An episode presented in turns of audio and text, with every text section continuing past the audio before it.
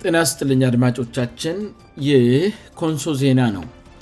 አሁን የዕለቱን አንኳር ዜና የምናቀርብበት ጊዜ ላይ ደርሰናል ዜናውን ማቀርብላችሁ የአቬሎናታይ ነኝ አብራችኑ ነው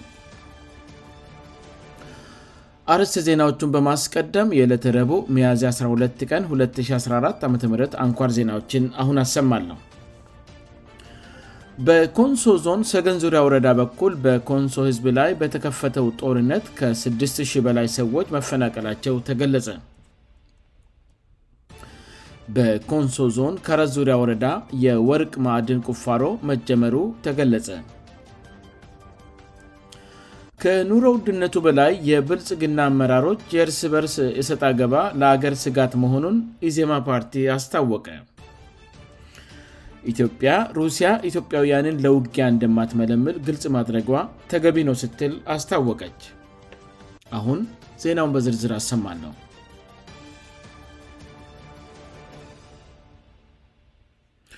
በኮንሶ ዞን ሰገን ዙሪያ ወረዳ በኩል በኮንሶ ህዝብ ላይ በተከፈተው ጦርነት ከ60 በላይ ሰዎች መፈናቀላቸው ተገለጸ የደቡብ ክልል መንግስት የዞንና የልዩ ወረዳ ጥያቄያቸውን ህገወጥ በሆነ መንገድ ለማሳካት የደራሽ ልዩ ወረዳን መዋቅር ጭምር ለመጠቀም እንደሚሞክሩ በሚገልጻቸው ፅንፈኛ አካላት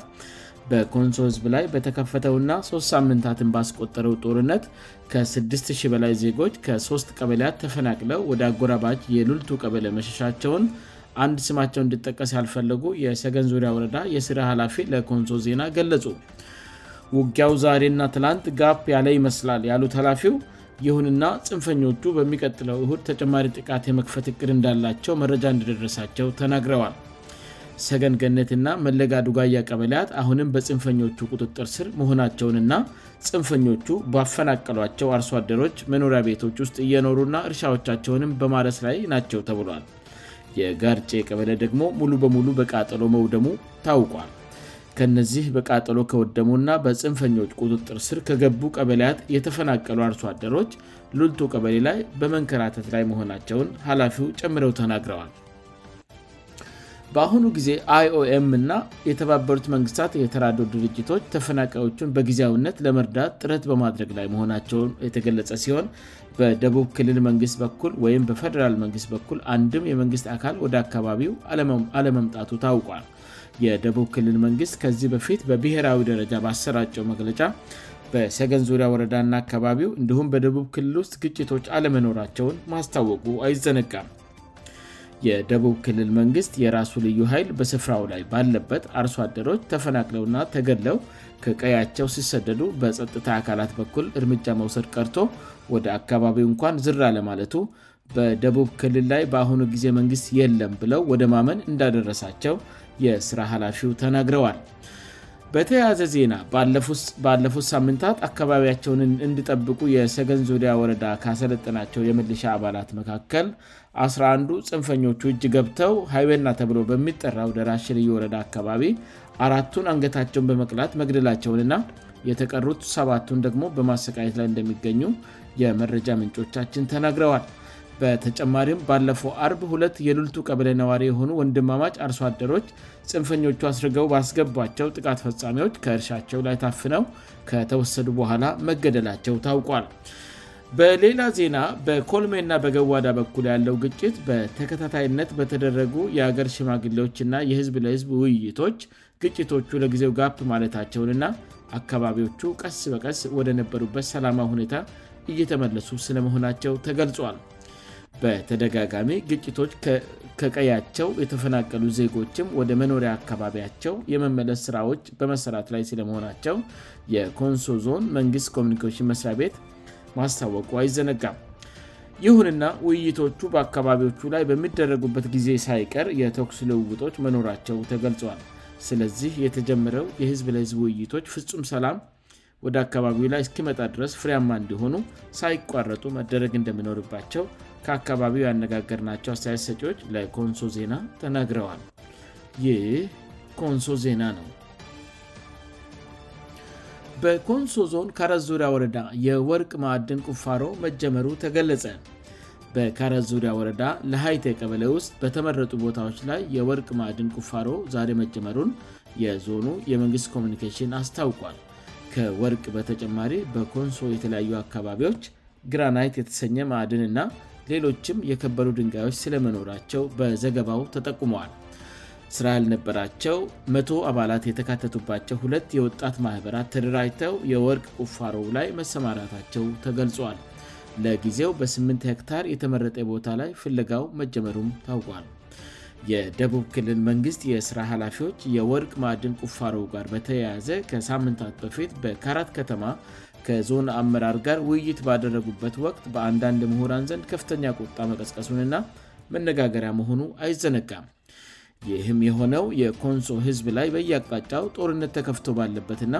የደቡብ ክልል መንግስት የልዩ ህይል ሰራዊቱ በቦታው ላይ ያለ የኮንሶን አርሶ አደራች ከጥቃት እንዳይከላከሉ ክልሉ ባልፈለገበት ህዝብ እየተፈናቀለ ቤቶች በእሳት እየተቃጠሉና ብዙዎችም በቤታቸው ውስጥ በቦምብ ጥቃት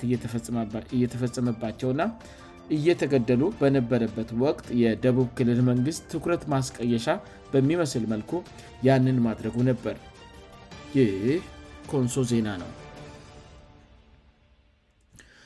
ከኑረ ውድነቱ በላይ የብልጽግና አመራሮች የእርስ በርስ እሰጥ አገባ ለአገር ስጋት መሆኑን ኢዜማ ፓርቲ አስታወቀ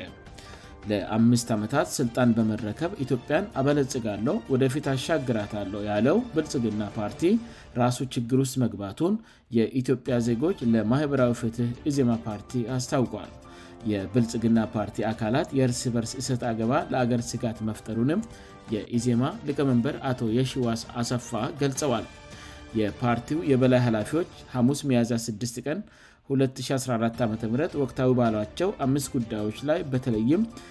የኑሮ ውድነትና የዋጋ ግሽበት የከተማ መረት ወረራ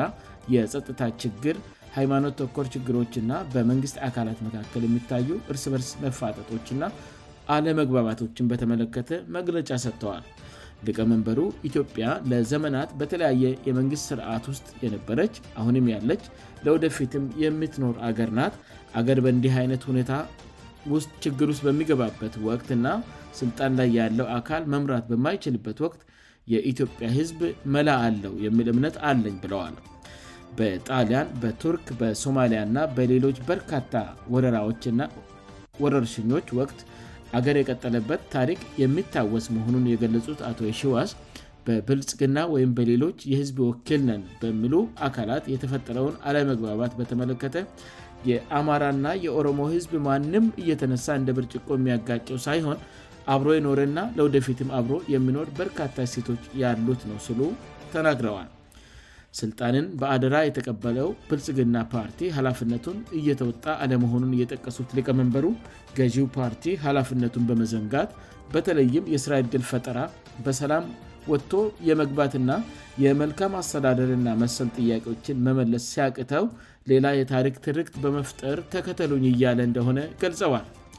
በተለያዩ የአስተዳደር እርክኖች ያሉ ባለስልጣናት በጭንቅ ጊዜ አገርን የማሻገር ጥበብ ሊያሳዩ የሚገባ ቢሆንም በብልጽግና ፓርቲ አመራሮች መካከል እየታየ ያለው እሰጥ አገባ በተፎካካሪ ፓርቲዎች መካከል እንኳን መከሰት የሌለበት መሆኑንም አስረድተዋል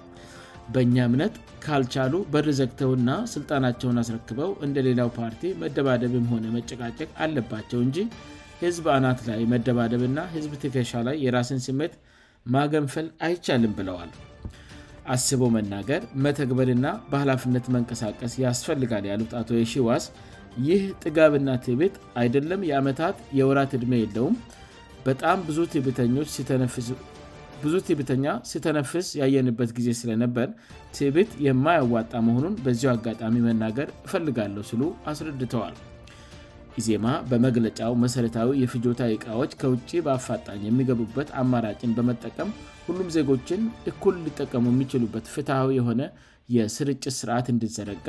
ይህንን ለማስተጓጎል በሚጥሩ የመንግስት ኃላፊዎች ላይም ጥብቅ ቁጥጥርና ተጠያቂነት እንድሰፍን መንግስትን ጠይቋል በገ ስ የሚመረቱ ስምንቶእና የመሳሰሉ የግንባታ እቃዎችን በተመለከተ ፋብሪካዎቹ በሚገኙባቸው አካባቢዎች አስተማማኝ ሰላምን በማስፈን በየአካባቢው በጥቅም ትስስር የተበተቡ የአቅርቦት ሰንሰለቶችን በመበጣጠስ በቀጥታ ተጠቃሚዎች ጋራ የሚያደርሱበትን ፍትሃዊ አሰራር እንዲዘረጋም ኢዜማ ጥያቄ አቅርበዋል በሌላ በኩል ከውጭ የሚገቡ መሰረታዊ ያልሆኑ የቅንጦት እቃዎች ላይ ገደብ እንድደረግ መሰረታዊ ላልሆኑ እቃዎች የውጭ ምንዛሪ እንዳይፈቀድ እና ክልከላ እንዲቀመጥ መንግስት ከፍተኛ ውጭ የሚያወጣባቸውን ግዙፍ ፕሮጀክቶች ለጊዜው በመክታት ምርታማነትን የሚያበረታቱ የዘመቻ ስራዎችን በማስጀመር የአጭር ጊዜ መፍትሄ እንድነድፍ ጠይቋል በረዥም ጊዜ እቅድ የመረት ፖሊሲን በመለወት ዜጎችን ከመንግስት ጭሰኝነት ማላቀቅ የግድ መሆኑን ገዢው ፓርቲ እንድረዳ ኢዜማ አሳስቧል ዜማ የተጀመረው የአገራዊ ምክክር መድረግ ተገቤ ትኩረት እንዲያገኝ መንግሥት ከሌሎች ፓርቲዎች ጋር በጋራ በመስራት እንድጠበቅበት ገልጿዋል መቀመጫውን ደቡብ አፍሪካ ካደረገ በቤቶች ልማት ስራ ከተሰማራ ኩባንያ ጋር በመንግሥት በኩል ተደርጓል የተባለው የቤቶች ግንባታ ፊርማና ስምምነት የውሃሽታ ሆኖ መቅረቱን ገዢው ፓርቲ በምርጫ ወቅት ቃል የገባውን 1 ሚ0ን ቤቶች ለመገንባት 16ትሊየን ብር የሚያስፈልገው ቢሆንም ይህንንም ማድረግ እንደማይችል የጠቀሰው ዜማ በዚህ ምክንያት ህዝቡ ባዶ ተስፋ ብቻ ታቅፎ እንድኖር ተፈርዶበታል ብሏል በርካታ አገራዊ ችግሮች እየተከሰቱ መሆኑን የገለጸው ዜማ ራሱን አገራዊ ፓርቲ ነኝ ብሎ የሚያሞካሸው ብልጽግና ፓርቲ ከመጋረጃ ጀርባ ያለው ትክክለኛ ማንነቱ ተገልጦ የብሔር ፓርቲ መሆኑን አደባባይ በወጣው የባለሥልጣናቱ ንትርግ በይፋ አስመስክረዋል ብሏል ክልሎችን ለመምራትና በመንበሩ የተቀመጡ የብልጽግና አመራሮች ተናበው ተቀናይተው አገሪቱን ከገጠማ ዘርፍ ብዙ ፈተና ለማውጣት በጋራ በመስራት ከህዝቡ አንድ እርምጫ ቀድመው የመፍት ሐሳብ ማቅለብ ሲገባቸው መችቶ በነጋ ቁጥር እርስ በርስ እየተናከሱ አለፍ ስልም ለጸብ እየተጋበዙ ከኑሮ ውድነቱ በላይ ራሳቸው አመራሮቹ ለአገር ስጋት መሆናቸውን ኢዜማ በመግለጫ አስታውቋል በብልጽግና ቤት ውስጥ በሚፈጠር የስልጣን ሽኩቻ ለማሸነፍ ከህዝብ ማጋጨት ከችግሩ የማምለጫ ስልት ተደርጎ በተደጋጋሚ መወሰዱ እጅግ አሳዛኝና አሳፋሪ እውነታ እንደሆነ የገለጸው ይዜማ ሁሉም አካላት እንድረዱ የሚያስፈልገው በምን ድሳት ላይ ነዳጅ ማርከፍከፍ የዋልደር እንጂ ሁሉንም ማቃጠሉ አይቀሬ ነው ሲል ዜማ ገልጿዋል ይህ ኮንሶ ዜና ነው ኢትዮጵያሩሲያ ኢትዮጵያውያንን ለውጊያ እንደማትመለምል ግልጽ ማድረጓ ተገቢነው ስትል አስታወቀች በኢትዮጵያ የሚገኘው የሩሲያ ኢምባሲ ለወታደርነት ምንም አይነት የምልመላ ጥያቄዎችን እንደማይቀበልና የቬና ኮንቨንሽንን እንደሚያከብር መግለጹ የሚደነቅ መሆኑን የኢትዮጵያ መንግሥት አስታውቋል ኤምባሲው ትናንት አልአይን አማርኛ ለተሰኘ የድረገጽ ጋዘጣ በላከው መግለጫ በፈረንጆቹ በ1961 በቪና ከተማ የተፈረመውን ኮንቨንሽን እንደሚያከብርና ኢትዮጵያውያንን ለውትድርና እንደማይመለምል ገልጾ ነበር ኤምባሲው በርካታ ኢትዮጵያውያን በአካል ና በኢሜይል አጋድነት መግለፃቸውን እና ኤምባሲው ይህንን እንደሚያደንቅ በወጣው መግለጫ መግለጹም ይታወሳል ይህ ኮንቨንሽንን የውጭ ሀገር ሰዎችን ለወታደራዊ ስራ መመልመል ክልክል መሆኑን ስለሚደነግግ ሩሲያም ይህንን እንደምታከብር ኤምባሲው ገልጾ ነበር የሩሲያ ኤምባሲ መግለጫን ተከትሎ የኢትዮጵያ ውጭ ጉዳይ ዛሬ ባወጣው መግለጫ ኤምባሲው ምልመላ እየተደረገ ነው ለሚሉ ያልተጣሩ መረጃዎች የሰጠው ፈጣንና ግልጽ ማብራሪያ ኢትዮጵያ የምትቀበለው እንደሆነ ገልጿል ሩሲያ የቪናን ኮንቨንሽን እንደምታከብር ማስታወቋ የምደነቅና ኢትዮጵያ የምደግፈው እንደሆነ የውጭ ጉዳይ መስሪያ ቤቱ አስታውቋል ወታደር ለሌላ አገር አሳልፈው መስጠት በቬና ኮንቨንሽን ክልክል በመሆኑ የሩሲያ ኤምባሲ ያለባት ኢትዮጵያም ይህን እንደምታከብር ነው የተገለጸው ከሰሞኑ በርካታ አዲስ አበባ በሚገኘው የሩሲያ ኤምባሲ ተሰልፈው መታየታቸው አነጋጋሪ ሆኖ ነበር አልአይን አማርኛ የሩሲያንም የዩክራይንንም ኤምባሲ የስራ ኃላፊዎች አነጋግረ ነበር ሩሲያ ያቀደችውን ሁሉ የራሷ ጦር በብቃት እንደሚፈጽመው የገለጸ ሲሆን ኒክሬን ደግሞ በበኩሏ በአዲስ አባ የሚገኘው የሩሲያ ኤምባሲ ምልመላ ለማድረግ ጥረት እያደረገ ነው ብላ ከሳለች የኢትዮጵያ መንግስት በተባበሩት መንግስታት ድርጅት ስብሰባ ላይ ለሩሲያ ድጋፍ በመስጠቱም የሩሲያ ኤምባሲ ምስጋና አቅርበዋል ይህ ኮንሶ ዜና ነው አድማጮቻችን ዜናውን ከማብቃት በፊት አርስ ዜናዎቹን በድጋሚ አሰማል በኮንሶ ዞን ሰገን ዙሪያ ወረዳ በኩል በኮንሶ ዝቢ ላይ በተከፈተው ጦርነት ከ600 በላይ ሰዎች መፈናቀላቸው ተገለጸ በኮንሶ ዞን ካረስ ዙሪያ ወረዳ የወርቅ ማዕድን ቁፋሮ መጀመሩ ተገለጸ ከኑሮ ውድነቱ በላይ የብልጽግና አመራሮች የእርስበርስ እሰጥ አገባ ለአገር ስጋት መሆኑን ኢዜማ ፓርቲ አስታወቀ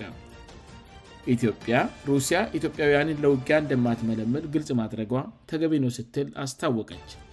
ዜናው በዚያ በቃ